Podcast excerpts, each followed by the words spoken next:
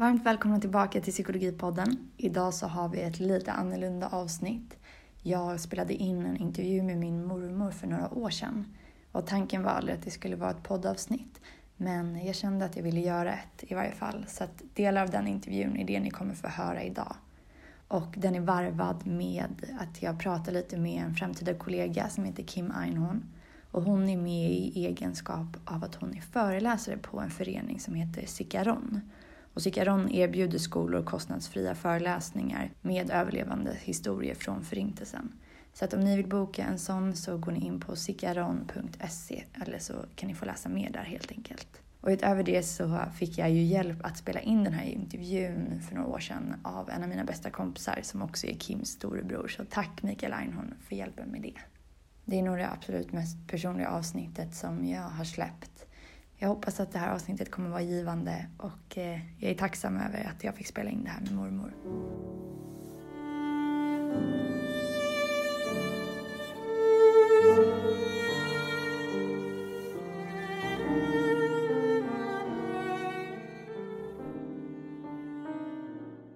Man undrar ofta hur vi som blivit så hårt drabbade orkar uppbåda den kraftansträngning som behövs vid mötet med vårt förflutna. Ändå lever vi vidare och andas. Våra plågor och våra glädjeämnen flätas samman till en väv som vi kallar liv. Tiden är knapp. Vittnena, vi, är gamla och rasister har på nytt börjat sprida nazisternas förödande ideologi. Förintelsen får inte upprepas mot något folkslag. Syftet är att varna för nynazismen som sprider lögner om att förintelsen aldrig har ägt rum. Jag vill bidra till vetskapen att förintelsen har ägt rum och varna ungdomen för den nazistiska ideologins konsekvenser. Därom vittnar de miljoner människor, unga och gamla, som inte själva kan föra sin talan. Deras namn kan viskas och kan höras. De har inte dött förgäves. Tack mamma.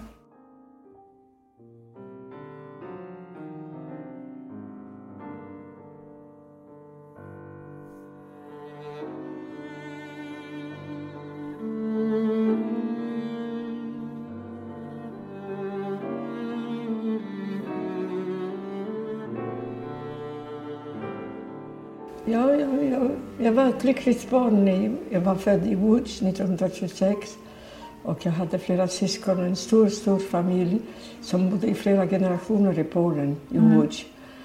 Även om vi kivade i varandra, men vi älskade varandra. Och min äldsta syster hon gifte sig före kriget. Och hon fick ett barn som dog under kriget på grund av kylan och fattigdom där i gettot. Mm. Hon hette Baila, den lilla flickan. Och eh, före kriget så levde vi ett rikt judiskt liv kan man säga. För att eh, det bodde mer än tre miljoner judar i Polen. Som de flesta faktiskt har blivit förintade. Jag gick, jag gick i en judisk skola som hette Bet Jakov. Och inga pojkar gick där, utan bara flickor. det, det var ett rikt liv, det kan man säga. I efterhand verkade det nästan overkligt vi kände oss hemma och kunde inte föreställa oss vad som kommer att hända. Nu den 1 september 1939, när kriget bröt ut. Jag kommer ihåg den kvällen också mycket noga därför att man såg polisen red på gatorna. Det var en oreda och vi försökte hålla oss nära tillsammans. Men vi kunde aldrig föreställa oss att, att resultatet av deras av tyskarnas ockupation för att förinta judarna. Det kunde man inte föreställa sig. Det blev kaos i stan också. Vi trodde ju inte att det kaoset skulle innebära att, eh, liksom att de skulle döda oss. En av de vanligaste frågorna jag får när jag är ute och föreläser är om förintelsen är en konspiration. Eller påståendet att förintelsen är en konspiration och att det aldrig har hänt. Och en av de första, om du googlar förintelsen så är typ um, tredje, fjärde resultatet är ofta förintelsen är en myt. Det bevisar att det blir lättare och lättare att hitta på att det här aldrig har hänt. Och om vi börjar hitta på att det här aldrig hänt är det lättare att det händer igen. Så det är så otroligt viktigt att vi glömmer de här historierna. Om det var någonting nazisterna var bra på så var det väl att dokumentera precis allt. Varenda person de har mördat har de dokumenterat ungefär. Och det finns så många bevis på att förintelsen har ägt rum men ändå så är det många som ifrågasätter det här. Och därför är det så himla viktigt att vi inte glömmer.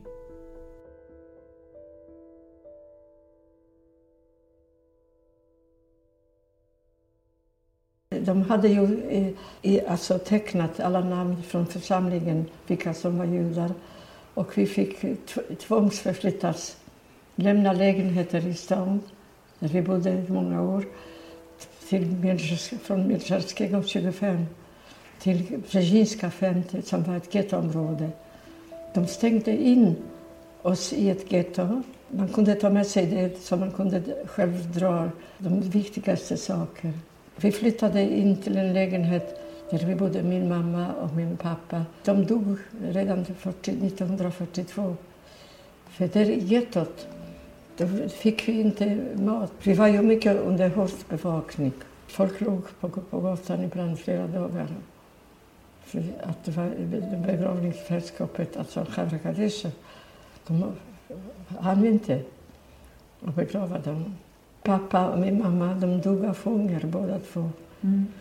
De äldre de hade, orkade inte klara av situationen som uppstod där i gettot. När den äldre generationen dog så hade inte vi mer liksom, som vi kunde gå och, och få hjälp eller något. Var du där när dina föräldrar dog? Absolut. Jag, jag kommer mycket... Jag försökte en läkare min mamma låg på dödsbädden. Och, och Renja, hon, min syster, hon har varit jätteduktig att ta hand om dem när de var sjuka. Hon matade min pappa med, med vatten. Hungern var fruktansvärt och tusentals judar dog av, av hunger. Alltså. Det var inte tillräckligt med mat. Så eh, det, det var mardrömsliknande tillvaro därför att, eh, att det var så fattigt i gettot. Jag fick också tyfus i gettot. Men min syster hon kom, eh, jag blev skickad till ett eh, epidemisjukhus. Men Orenja hon kom dit väldigt ofta och stod och vinkade och, och gav mig mod att liksom jobba. Men man var orolig på natten att kanske att tyskarna kommer att ta och på en lastvagn och skicka bort. Ganska ofta så förekom sådana här razzior. Alltså att man haffade folk på lastbilar och skickade dem till olika förintelseläger. Fast vi visste inte att de skickade, vad de skickade dem. Det fanns de som visste vad som fanns i Auschwitz, men jag visste inte det. De flesta visste inte heller. Mm. Och min kusin han blev tagen, de skickade honom. Eh, vi vet inte till vilket läger när han försvann. Alltså de minskade gettobefolkningen på det viset att de tvångsförflyttade dem. Och fastän det verkade omöjligt så tänkte jag att jag, försökte jag lugna mig. Det, gällde inte, det gällde inte att vara hysterisk. Man, man kunde liksom inte... Alltså, man hade inte det fattningen vad, vad som väntade vidare. Men under tiden så upprepades det. Finns, det kom sån bekantmachung som det heter på tyska. Alltså meddelande till, getto, till gettobefolkningen att de ska infinna sig. Det var en fruktansvärd tid, det måste man säga. Därför att vi blev ju också deporterade till Auschwitz-Birkenau på slutet. Mm. När de, stänger, de stängde gettot. Man skickade befolkningen till förintelseläger. Men de unga människorna hade ändå bättre hopp att vi ska överleva i början. Trodde du när du var i gettot att du skulle överleva? Ja, det hoppades jag. Jag trodde ju att det, det, det här är bara tillfälligt. Kriget, man visste att första världskriget gick, det tog 1914 till 18. Så man trodde att det blir så snabbt som möjligt. Man kunde inte föreställa sig att, att, att detta ska sluta med döden. Det gjorde det. Har du någonsin blivit utsatt för antisemitiska handlingar? Det var väl ganska länge sedan nu, men framförallt under typ högstadiet. Det var mycket kommentarer om att jag var jude. Det var mycket kommentarer om förintelsen. eh, Och det var några incidenter, bland annat att jag eh, fick ett hakkors i skåpet. Och jag minns det så väl för att eh, det var det var på mitt högstadie, jag tror jag gick i nian. Och jag fick ett hakkors, en, um, fick en bild och ett, um, med någon... Först fick jag bara en bild med en, um, en person på. Som då var någon slags nazist som jag inte visste om. Så jag fattade inte varför jag hade fått en bild i mitt skåp.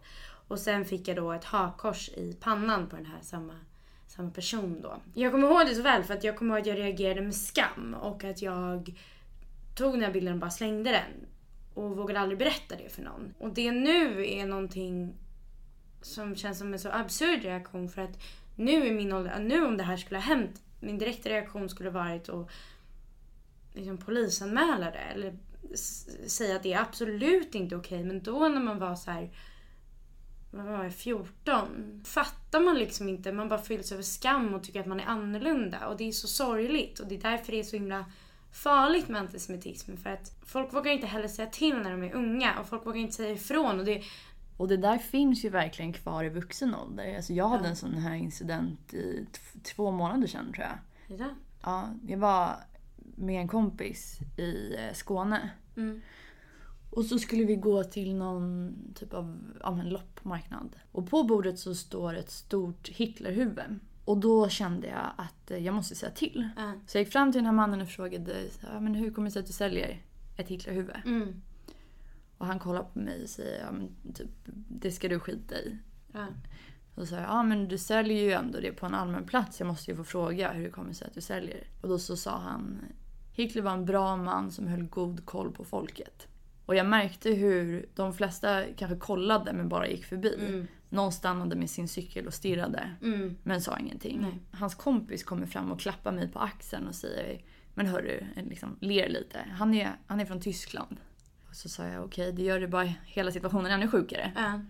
Och sen så tyckte jag bara att det blev obehagligt. Jag hade ju sagt det jag ville säga så då gick jag därifrån. Mm. Men ingen annan Nej. sa ju till. Nej. Vissa människor tycker att det är respektlöst att säga vad man tycker. Mm. Och jag skulle säga tvärtom. Mm. Inte i alla situationer såklart. Men ibland är det ju mycket mer respektlöst att inte säga vad man tycker. Absolut. För att annars så normaliseras den här typen av beteende. Till och med Mm. jag började undra, är det här okej? Ja. Fast jag kände att det var inte okej. Och speciellt inte efter det han sa. Nej, det är absolut inte okej. Men jag tror allmänt att folk är ganska dåliga på att säga ifrån liksom när sånt händer. För vem som helst som lyssnar på den här historien förstår ju att så här, det är absolut inte okej och när han kom sådär nära dig och hotfull. Och det är inte okej. Men jag tror att man känner så här, nej men inte ska väl jag lägga mig i det där. Och det är så himla synd för att det hade ju behövts att flera var så här, nej men det där är inte okej för att det ska bli någon skillnad liksom. Antisemitismen började ju inte med förintelsen. Det var inte så att över en Nej. natt Nej. så föddes antisemitismen. Nej. Och när andra världskriget tog slut, eller förintelsen tog slut, Mm. så dog antisemitismen. Nej, gud nej.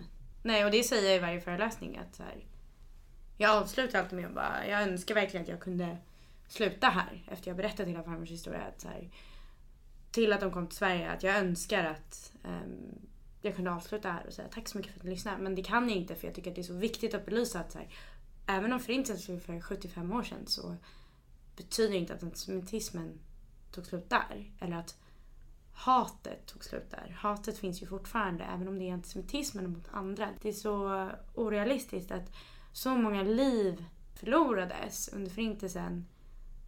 Men hat finns fortfarande kvar. Men har du, har du varit med om någon antisemitisk handling? Ja, alltså jag vet inte om jag skulle räkna den här grejen i somras som en antisemitisk handling. Nej. Det är väl mer eventuellt, alltså skulle kunna klassas som hets mot folkgrupp. Mm. Ehm, men personligen så har jag ju fått alltså, flera meddelanden Mhm. skickade till mig. Till exempel så var det en som skrev, jag tar upp det här på min mobil. Ehm, vill gärna möblera om ditt ansikte med mitt baseballträ. Sen fick jag åk hem äckliga jude. Vet inte riktigt va- vart jag skulle åka hem. Nej. Fråga till mamma. Jag... trodde jag var hemma när jag läste det här men nej tydligen inte. Um, synd att inte hela din familj gasades ihjäl. Åh fy fan. Ja.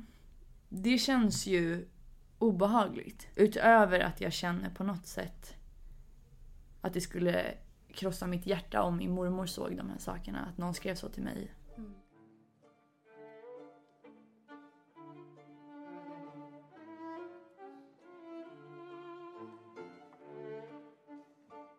Hur var de sanitära förhållandena i gettot? Det var, det var fruktansvärt.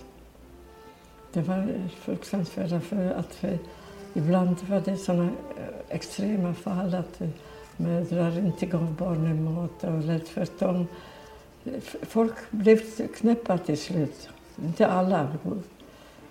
Vad åt ni för någonting? Ja, det, det, och vi fick mycket lite potatis och mycket lite, och ibland så torkad fisk eller fisk som man kan, eh, du vet man kunde ta, blöta och koka. Och det fanns ju soppor också på de arbetsplatser som vi var. Och ibland ville vi eh, strejka men då fick vi tillsägelse att eh, vi skulle bli deporterade. Så det gick inte. I september 1942 då står det i din bok om något som heter Allgemeine Gesperre. Ja, det var en fruktansvärd... Det var tyskarna som skrev ut alltså, bekantmachung, alltså meddelande att, att man ska inställa sig. Vissa, vilka, från vilken arbetsplats. Alla de som var där nämnda de var tvungna att inställa sig. Och eh, så var det razzior överallt på gatorna. Så plötsligt stängde, stängde man av en, ett par gator och lastbil, tyska lastbilar åkte runt och tog folk från gatan. All, gamla och unga, alla. Var, eh, vi kunde inte gå ut på flera dagar riktigt. Eh, jag, var, jag, jag vet inte var jag befann, jag befann mig utanför, i gettot alltså. I ett, eh, jag gick, sprang in i en lägenhet i ett hus på Drukarska, på en annan gata än var vi bodde. Och jag försökte gå in på ett rum, men ingen öppnade dörren. Så jag sprang högst uppe och gömde mig så länge den här razzian pågick. Och det var, men i alla fall, jag var glad att jag kom levande därifrån. När man hörde tyskarna komma, eller du har skrivit i din bok om eh, stöveltrampet. Ja. Ja, men det var, ingick av ett skräck. Man vet ju att det gällde döden. Så det var, var väldigt hotfullt. Det förekom inte som goodwill eller någonting. Vi visste vad det gäller hela tiden. Det var inte på låtsas, utan det var tyvärr eh, på riktigt. Mm. Det var mycket skräckinjagande.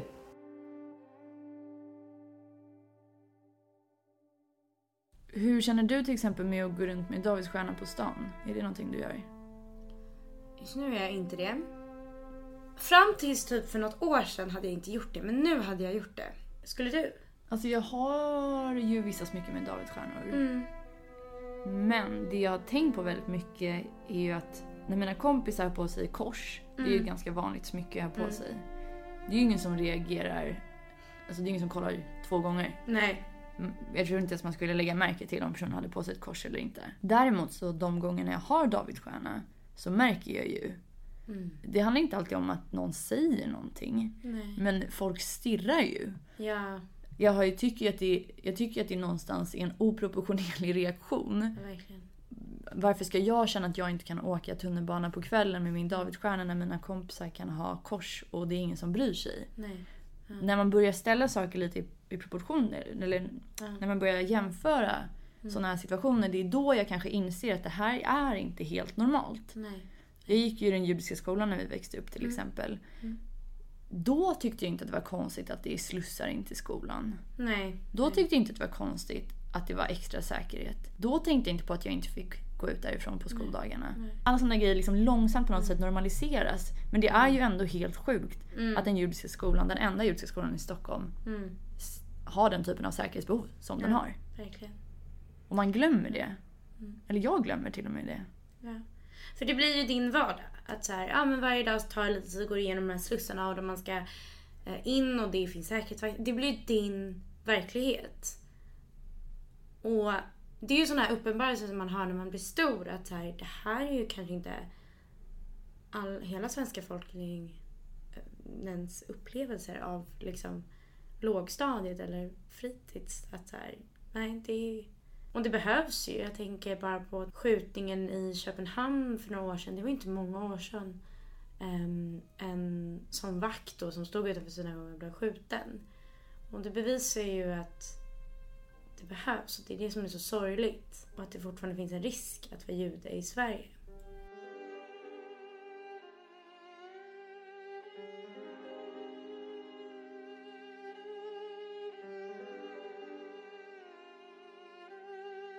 Jag tror det var den 28 augusti 1944 som gettot stängdes.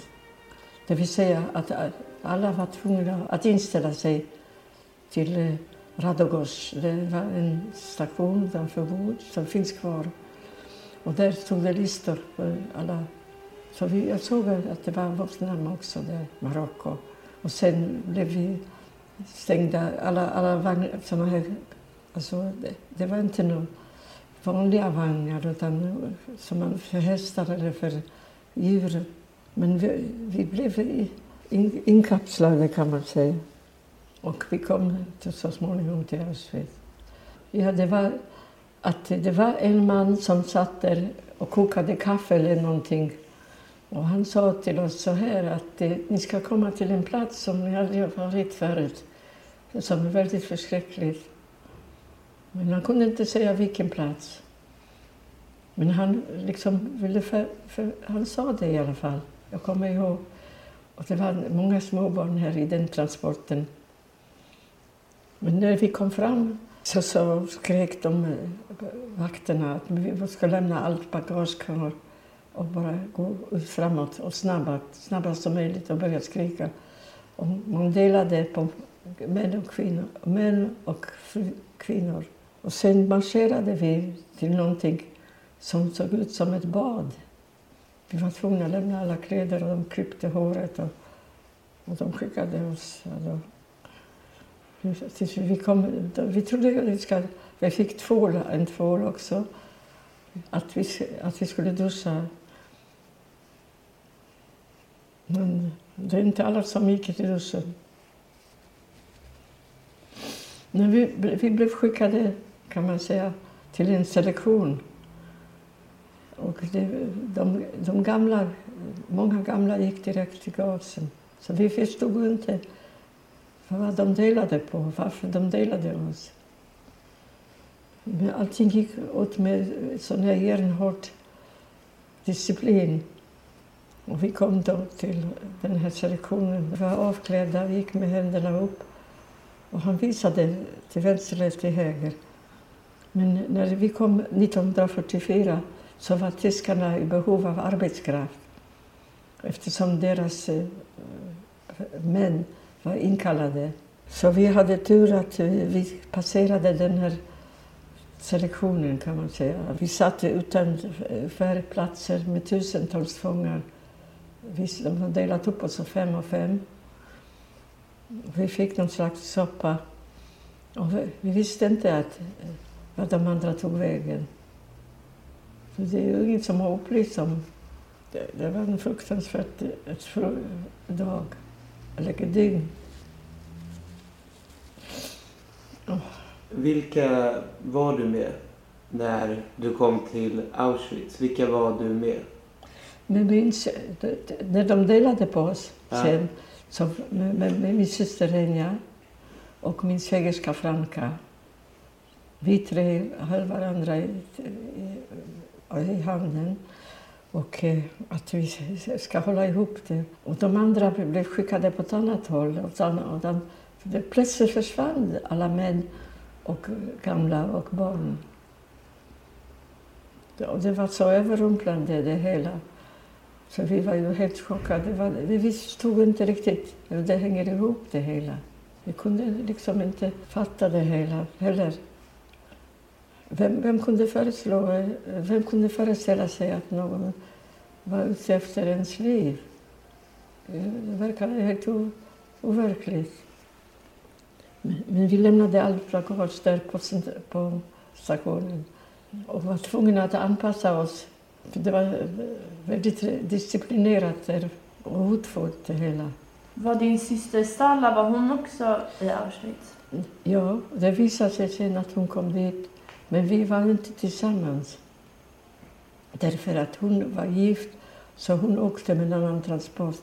Eftersom vi bodde på Drukarska så var vi tillsammans med familjen Freund. Och de, så länge de, vi bodde i gettot så de, så de hjälpte oss. För vi var, ju- för våra föräldrar dog ju. Minns du sista gången du träffade Salla? Ja, i, i Bergen-Belsen. Jag träffade, vi såg, till slut kom vi till det här hemska lägret i Bergen-Belsen och vi såg henne där och vi skrek att eh, Surat Sivia kom och hon svarade. Och vi bestämde att vi ska träffas på kvällen. Men hon kom aldrig dit, hon dog. Det var några dagar före befrielsen. Den 15 maj tror jag det var, 1945. Men hon kom aldrig.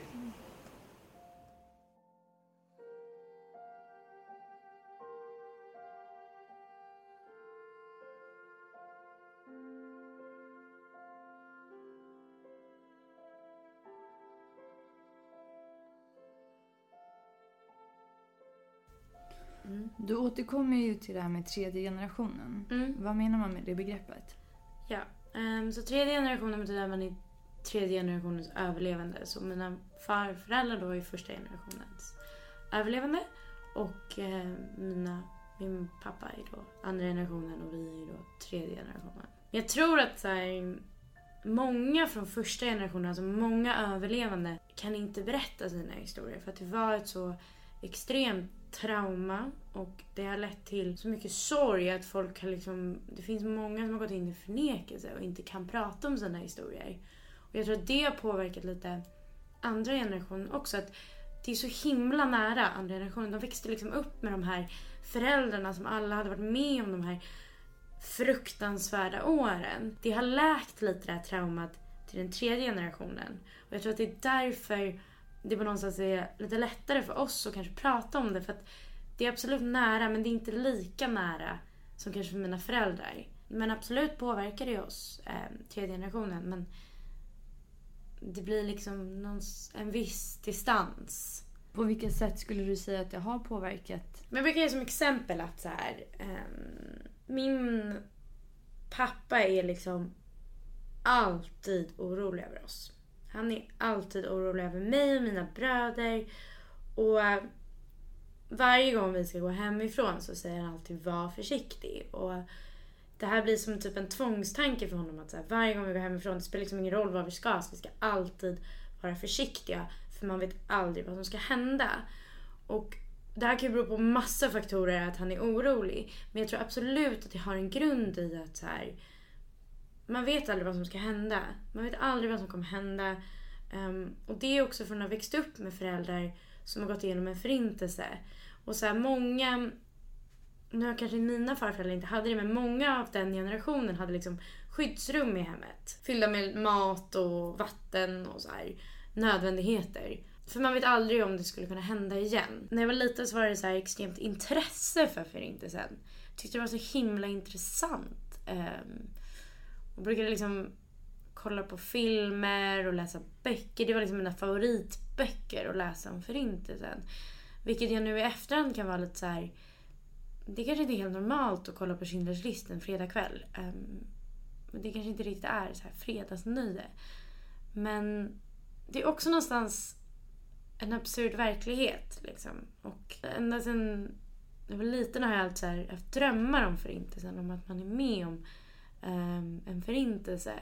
Och jag vet att jag inte är ensam bland tredje generationen då att drömma om förintelsen. Om att vi skulle vara med om det. Och det är också sådär ett trauma liksom som har ärvts genom generationer. Känner du igen dig i det här?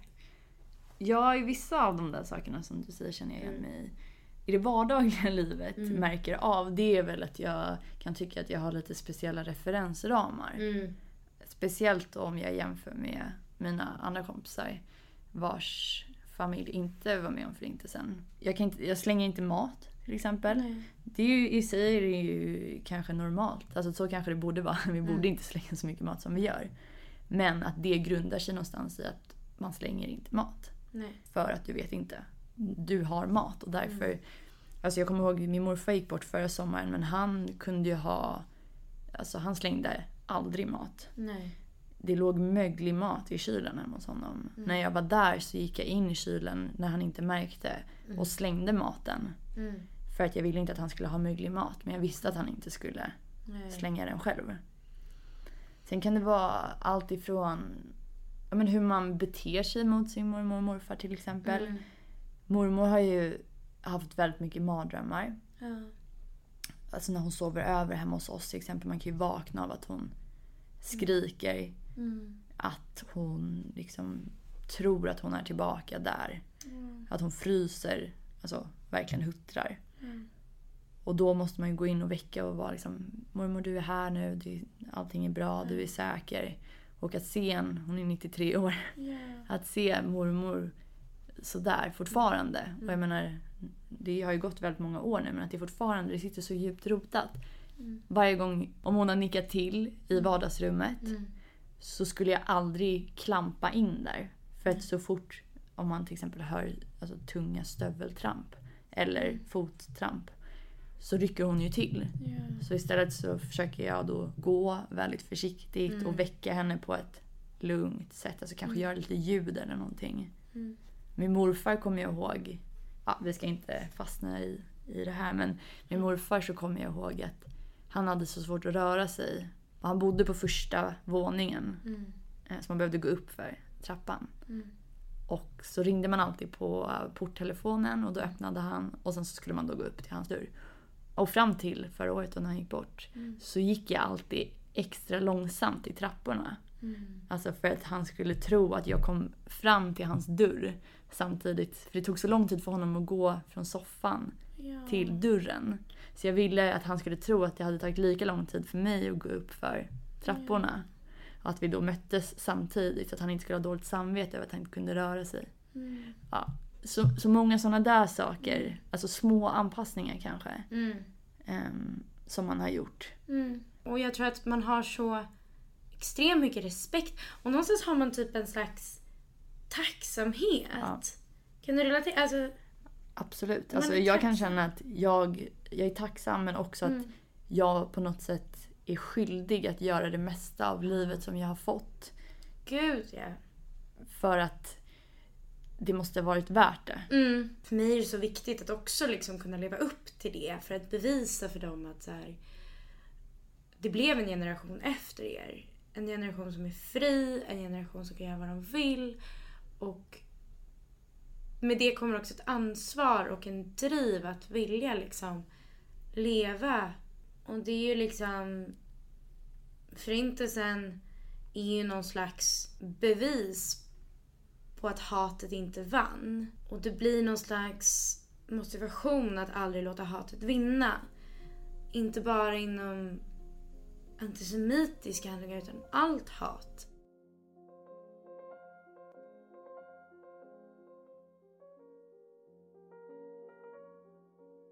Kan du berätta för mig om dödsmarscherna? Det var fruktansvärda marscher. För att vi gick alltså fem och fem och på vägen blev de flesta blev kvar. Det var vinter, det var jättekallt. Vi hade bara filtar och sträskor. Och eh, vi hade vakter hela tiden som passade oss. Men vi var egentligen inte i stånd att eh, fly eller någonting. De flesta ville vila sig, de stannade kvar och förfrös ju.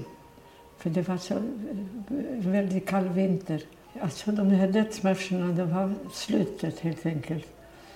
För- vi alltså, vi fick gå flera kilometer på natten. Och eh, ibland så kastade befolkningen brödbitar och som vi försökte fånga in. Vi var ju hungriga. Och vi slickade is eh, och snö när vi var törstiga. Och så många ville sätta sig bara en, en liten stund som det heter, men det, många förfrös ju. Så, så vi, det var väldigt svåra marscher. Egentligen så var det ett sätt att, att göra slut på, på, på oss. Och, men vi, no, någon kväll så där sov vi över i sån här kostall. Eh, Och vi i alla fall övernattade i, inomhus en natt. Det betydde väldigt mycket. Men de andra nätter fick vi gå alltså. Tills vi kom, de flesta, det blev ju mycket mindre, gruppen var mycket mindre när vi kom fram. Det är för att det var så kallt och vi klarade inte av den här kylan. Och de visade, de, vakterna visade inte mycket barmhärtighet eller så. Det mycket sällan. Men jag vet när, på, när vi hade sådana marscher på sommaren var det vid, någon, vid enstaka fall när vi var från ett läger till ett annat. Och eh, då, då, var det en vakt faktiskt som jag kommer ihåg som tillät oss att gå på toa, alltså, det vill säga där vi satt. Men i alla fall, att folk visade inte från sin bästa sida, tyvärr inte. Och inte vakterna särskilt heller. Så, så det var väldigt mardrömsliknande. Minns du hur du kände när ni gick på de här marscherna? Jag, jag, jag vill, egentligen så när jag kom till, jag vet när vi kom till den här eh, Mauthausen som vi gick, det, det, var, det låg på ett berg, det var väldigt vackert omgivning. Så sa jag till Renja, jag vill stanna här, jag ska sitta fem minuter. Det där sa hon, du får inte gå, du får inte gå ifrån mig. Och jag fick, hon, jag fick samla mig och, och gå vidare med henne. Men hon hade inte lämnat mig en enda sekund. För att det, det innebar ju att man blev att man förfrös. Man orkade inte gå mer. Men vi var några stycken som höll ihop, fem stycken. Det var Renja, Franka, jag och några till. Det var väldigt mardrömsliknande varsel. Mm. Vad tror du fick er att orka fortsätta? Ja, det, var mycket, det berodde mycket på att vi var tillsammans med, att jag var med min syster och min svägerska. Och, och vi höll ihop det. Och att de inte gav, att de själva också ville fortsätta. Man var beroende av, alltså, det är man egentligen hela livet om man, man har nära att man väntar på att de ska ställa upp för en. Men under sådana extrema förhållanden så var det ett villkor kan man säga, om man ser det i perspektiv. Att, att, att man kunde lita på den personen. För det, det fanns ju det, sådana fall det var urartat också. Hur menar du? Att de, de, folk övergav varandra. Inte alla, men några. Det fanns ju sådana fall. Så då kunde man inte orka som en person ensam och inte, alltså, att, att inget hjälpte en. Det var livsfarligt. För det var slutet. Och dessa marscher och, och hela vistelsen, det, om man ser det i perspektiv så var det väldigt betydande, betydelsefullt att de, att de gick med, att eh, min syster och Frank, att vi, vi höll ihop. Vi hade inga möjligheter att rädda oss på ett annat sätt. Vi, vi visste inte heller var, vart de ska flytta oss och, och var, var de driver oss. Men jag kommer mycket väl ihåg engelska armén att när de, när vi kom, de kom till Bergen-Belsen den 15 april 1945 och då från början hörde vi att eh, högt, eh, högtalare att eh, Achtung, alltså, Achtung, Achtung, vi ska ta det lugnt att de, kom, de kommer närmare sig lägret och de vill komma och rädda oss och hjälpa oss. Vi visste ju inte riktigt men vi var för sjuka för att kunna tro att, att de menade uppriktigt. Men jag kommer ihåg att de åkte in i lägret, men vi var för sjuka för att göra någonting. Men det, det, de gjorde verkligen, det var soldaterna i... Så jag har faktiskt ett intyg vilka det var som befriade Bergen-Belsen-lägret. Som jag ska visa, det här intyget. från museum i, London. För det finns dokumenterat allting. Mm. Men vi kunde alltså inte själva, själva agera mera för vi var för utmattade och för sjuka. Hur kändes det när ni förstod att, att ni hade blivit befriade? Ja, vi blev väldigt överväldigade. De, de, de försökte ju gå runt och se vilka som kunde svara när man talade, tilltalade dem och rädda dem till sjukhuset. Så Renja och Franka de kom in på, i Bergen till ett sjukhus och jag vågade inte lägga mig in för jag var rädd att vad som kommer att hända. Jag bodde i, på något ställe och anslöt mig till ett polskt gäng som gick runt och vi, och vi tiggde mat hos, hos tyskarna. Bönder som bodde där i Bergen. Men de ville inte dela med sig, men i alla fall. Vi, vi försökte hålla ihop så, många, så mycket det gick. Mm. Vi klarade den sista biten också, men under fruktansvärda förhållanden. Men det var mycket glädje också. Men det dog många tusentals människor efter, efter befrielsen därför att de hade med sig sån här tin, alltså mat i burkar. Så vi har ju inte ätit på månader. Så när vi åt det där så fick vi diarré igen. Det var så extremt allting, tyvärr. Så den ena stunden satt man och talade med någon och sen var den personen borta. Men vi, vi gav varandra modet att hålla ut, att allt kämpa på.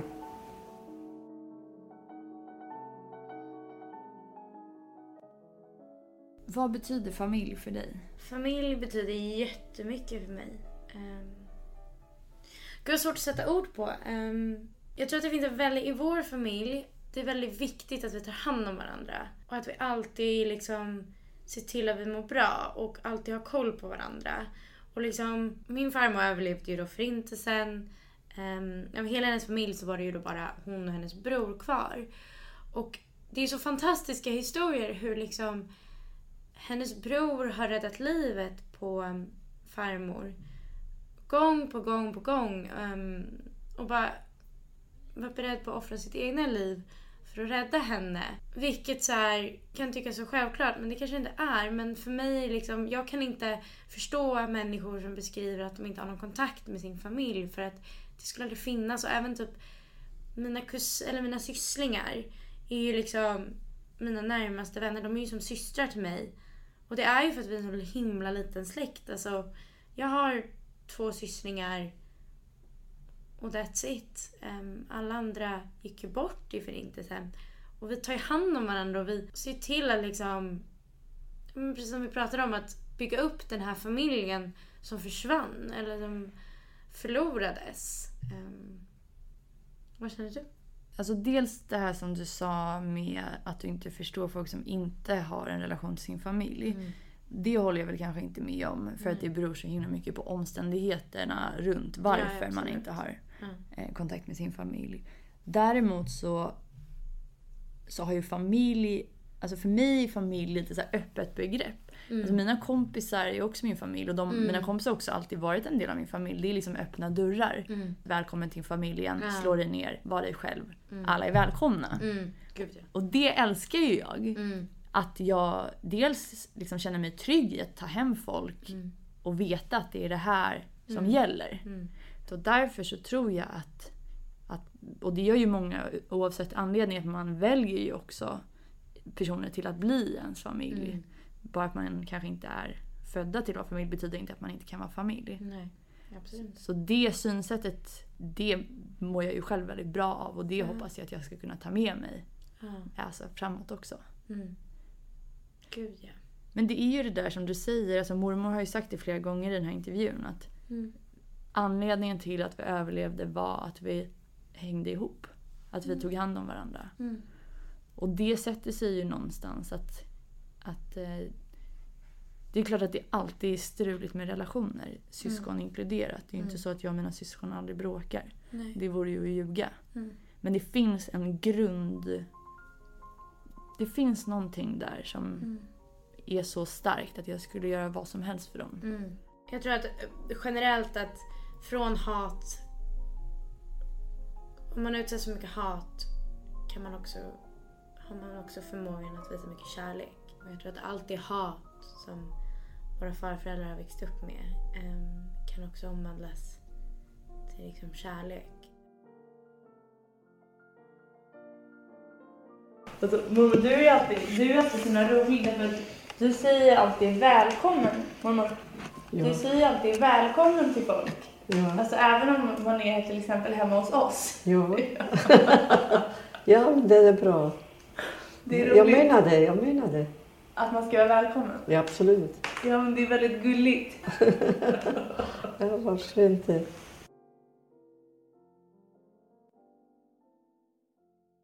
Kanske för att vi ska vittna, kanske för att vi ska varna de, en ny generation att inte det händer igen. Men vi hoppas det. Att, att det blir någonting som är positivt också. Att inte det bara är negativt. Det är väldigt viktigt att hitta några positiva sidor i, i alla den, detta elände. Jag tycker det är viktigt. Så man kan inte bara hänga upp sig på, på en annan människas ondska. Utan man får försöka kämpa sig fram till att säga att det kanske finns det någonting som är bra. Du har ju ändå fått uppleva ondska i, Ja, ytterst, ja. ja, i dess yttersta form. Hur kan du fortsätta tro på människan efter det du har varit med om, tror du? Och då tror jag att eh, i varje människa, kanske i många i alla fall, finns det en, bro, en sån här ådra som är bra. Men man måste eh, försöka anstränga sig och hitta det.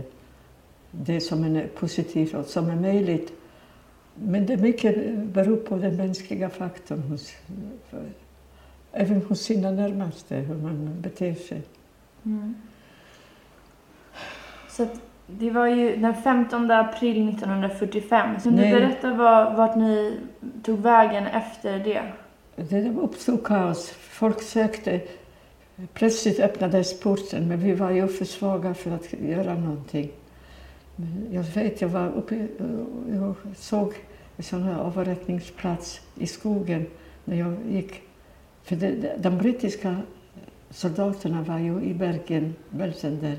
Och de vaktade eh, alltså, gränserna så, eftersom vi var sjuka att vi inte ska sprida att eh, livet har kommit tillbaka fastän vi kunde inte ta till, tillgodogöra oss det. Vi var för sjuka redan då. Men jag förstod att jag inte har, den här, jag har inte, inget hat i mig, inom mig. Och jag, har, jag, jag tror fortfarande att det finns någonting som är bra. Men det var väldigt jobbigt att se det där. Hur, hur det, människans hets kan driva till det yttersta. Men det var väldigt kaotiskt allting. För alla sökte någon från familjen eller någon från... Det, var, det fanns ju inga, inga datorer eller någonting.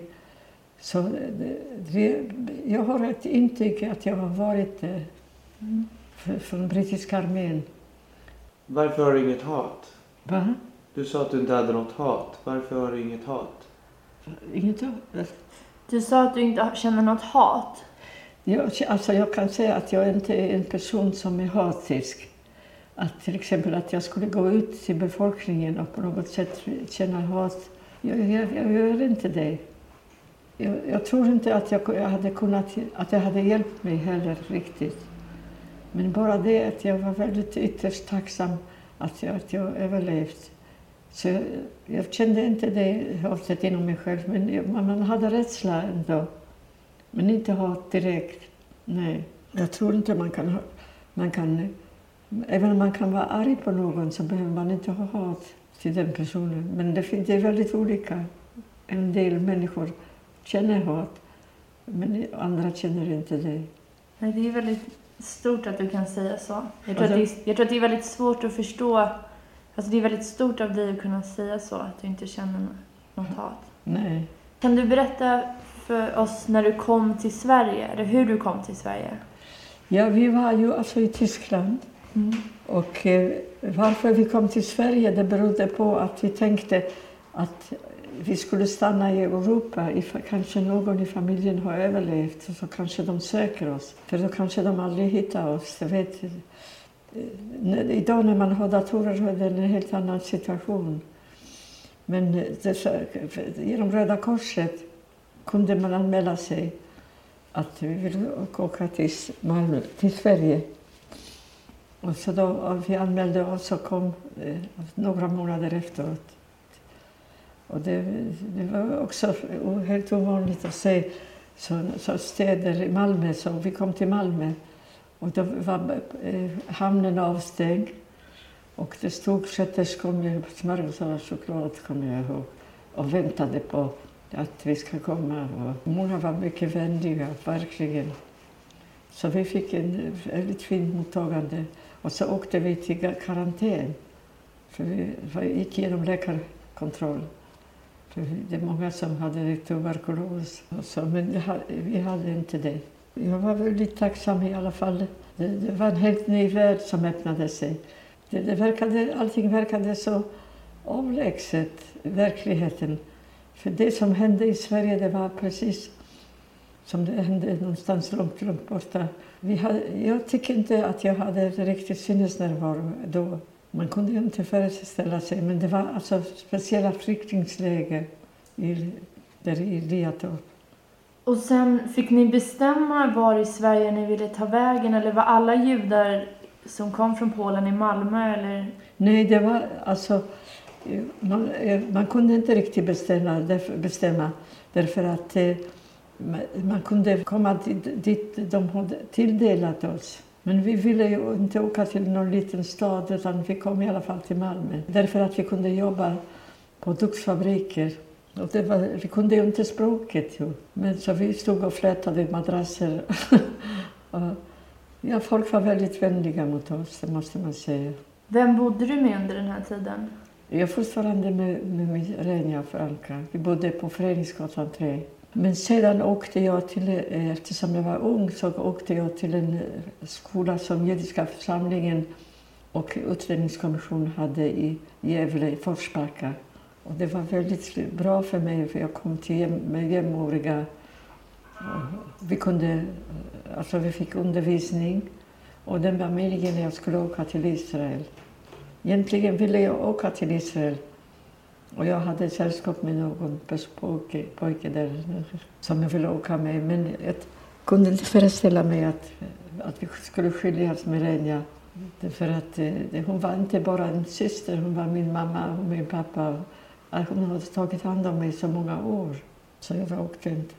Men det var bra i den skolan där i Forsbacka. Vi, eh, blev, vi läste engelska, hebreiska och andra ämnen. Fick ni lära er svenska i skolan? Ja, lite. Jag vet att vi uppträdde i Folkets park. jag vet inte riktigt vad vi gjorde det. Men det var bra att vi liksom kom i, för, i, i, i tal med för befolkningen. Och så. Vi blev bjudna på kaffe eller någonting annat hemma hos befolkningen där i Forsbacka. På, på sommaren åkte vi till Vallåkra där vi jobbade på, på fälten. Och, eh, Ja, och så småningom förberedde oss till Israel. Men jag, som sagt var, jag blev kvar i Malmö. Hur kändes det att komma till ett helt nytt land med ett helt nytt språk och en ny kultur efter allt som ni hade varit med om? Vårt liv har fått en sån vändning som jag tycker att många inte kunde fatta det. Men när du tänker tillbaka på ditt liv, känns det som att du har levt flera olika liv? K kanske. Jag, det, nej, jag förstår att det måste vara samma liv. Fast det var mycket svåra perioder som nästan var oroliga. Jag kan, jag kan inte inbilla mig att det var flera olika liv. På ett sätt var det det ju. Från, från det som att allting var normalt och hemma. Och alla familjemedlemmar. Och man kom till mormor, till morfar. morfar. Vi hade ju stora familjer. Men man kan inte säga att det är olika liv, men det är det ju. Men vi kunde liksom inte föreställa oss riktigt att, att, att, att binda ihop det. Till slut så gör man det. Man tänker, tankegången är ju så, men det är långt ifrån den hemska verkligheten som man försöker komma ifrån. som man aldrig kan komma ifrån egentligen. Man får ju vara tacksam att man har kommit ändå till, eh, till, till Sverige där det, det är lugnt. Och det, alltså ingen fara väntar direkt. Drömmer du ofta mardrömmar? Ibland. Ibland. Ja. Vad brukar du drömma om? Ja. Man jagade mig. Och det är olika. Att man jagar mig. Att har en känsla att man, att man, att man jagar mig. Fast jag vet att det inte är sant på dagen när jag vaknar. Men det, det är faktiskt ganska realistiskt kan det vara. Eftersom man har blivit jagad så många gånger. Så till slut så kan det bli sådana drömmar också. Men någonstans därefter när ni kom till Sverige så, så blev ju du tillsammans med morfar. Ja. Och ni bestämde er för att skaffa barn. Kan du berätta lite om den tiden när du, när du var gravid med dina egna barn? Hur kändes det att få starta en egen familj? Ja, jag tyckte det var, jag tyckte det var väldigt bra. För jag, det, fanns, det, det här var en, en fortsättning. Här fanns det ett liv vidare. Man har ju ett visst ansvar faktiskt. Och det är ändå viktigt att skaffa barn och, skaffa, och bilda familj. För det finns en fortsättning i alla fall. Och då fick han inte rätt, Hitler, i alla fall, att, att förgöra oss helt och hållet. Men det beror på hur mycket goodwill man själv har och göra något bra av det hela. Men det, det, är viktigt som vuxna, ni är ju faktiskt vuxna nu, att, att ni tar och för vidare och berättar vad som har hänt oss. Och varför vet vi inte. Det är för att vi är judar. Det, det, finns ju andra också som har blivit förföljda, som romer och andra. Akta, man får akta sig att förfölja eller fördöma andra människor. Det, att, att försöka hitta försonande vägar, mm. det, det, tror jag. För det, det hjälper ju inte att, att bli ovän och, och skrika och hata. Det, det har man ju sett. Tyskarna själva har också förlorat en hel generation på det viset. Mm. Varför tycker du att det är viktigt att berätta? Ja, för att det ska inte upprepas. Det får inte hända en gång till. Vad skulle du vilja ska föras vidare till dina kommande generationer, till dina barnbarns barn? ja, jag skulle vilja att ni skulle berätta att vi har... Vi kommer inte från ett intet. Vi har levt i ett land i många generationer som i Polen. I, I den omgivningen som vi lever nu är det ju, uppstår ju så mycket hat i situationer som man inte förstår varifrån det kommer och varför. Nu är det 70 år efter Auschwitz. Det, det, får inte, det, det, måste berättas, för att vad som har hänt, det är ju verklighet. Vi berättar inga sagor. Vi kanske undviker vissa moment som vi inte klarar själva att tala om. Och det, det är inte meningen egentligen, men det, det, är så. Hur känns det när, när du läser i tidningarna idag om eh, den rasism och nazism som återfinns nu i Sverige bland annat? Ja, jag tycker det är fruktansvärt. Jag tycker det är skrämmande också därför att det börjar med, med, med det här, alltså det börjar med hat. Att de olika grupper liksom vänder sig mot varandra och hets. Deras okunnighet många gånger, att de inte har sett vad som har hänt i verkligheten. Att det var människojakt och det var människodöd. Att de, det är väldigt skrämmande. Är du rädd för någonting? Jag är, jag är rädd för att det ska upprepa sig. Men det är viktigt ändå att säga sanningen i allting. Ordet sanning kanske inte berättar hela hemska saker som vi träffade, som vi träffades. Men det är jättejobbigt det hela. Men det, man måste ändå se det. Hur känns det för dig att sitta och prata om det här nu? Ja, det känns lite grann bättre. För det har också gått längre tid. Och jag hoppas att, att och, eh, mina barnbarn vill ställa olika frågor och jag kan besvara det medan jag lever. Och i syftet att det ska hoppas jag att det blir fred, att inte de blir förföljda. Men man måste iaktta vad som händer runt omkring oss. Vi kan berätta vad som har hänt den generationen som vi är. Men det är viktigt att det finns vittnesmål om det.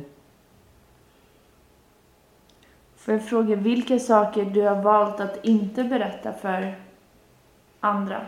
Du behöver inte berätta om de sakerna, men vad har gjort att vissa saker har du inte berättat? Ja, jag vill inte berätta att kanske i det chocktillstånd som vi befann oss i Auschwitz, så kan, kan man inte förberätta det. Kan man förstå det? Det är svårt. Behöll du tron på livet eller hoppet hela, under hela tiden? I viss mån. Men jag, naturligtvis när jag var så utmattad och sjuk så jag kommer ihåg många moment som var svåra i Bergen-Belsen när jag var så sjuk att de tog bort mina skor någon när jag låg redan halvt död. Men i viss mån. Jag tycker du är helt fantastisk i alla fall. Nej, det vet jag inte. Jo, du är en sån himla stor människa. Ni får, ni får fa- faktiskt... um, Hos oss är så är det får man tillgodose hela tiden som är någorlunda möjligt att berätta. Det var många dödsögonblick. Och det är ganska svårt också att tala om det. Jag är jättetacksam att jag fått leva så jag kan tala med dig. Och er, rättare sagt. Och det gäller också mina, alla mina barnbarn. Rebecka, du, Alex, Mar- Carmela och Marcos. Mm. Och Mikael.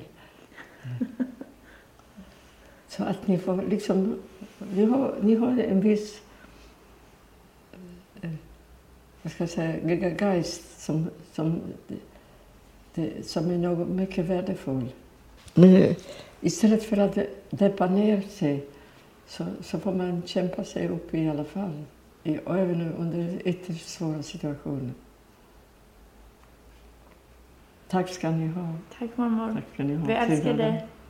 Va? Vi älskar dig. Ja, detsamma. Tack så mycket. För. Tack. Tack, tack snälla. Känns det okej? Ja, absolut. Det känns bra. Känns det bra? Ja, absolut. Jag är ganska lugn i alla fall. Jag har fått i alla fall den gåvan att leva. Va?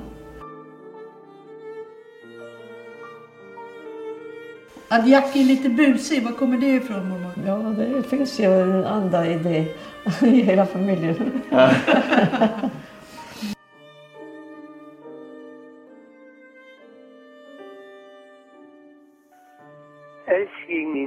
jag ville bara gratulera dig och inte så bara, jag älskar dig jättemycket. Och jag önskar att du ska vara så lycklig som du bara kan. Ha en underbar, underbar dag idag och livet efteråt också. Jag älskar dig mycket, Murphy.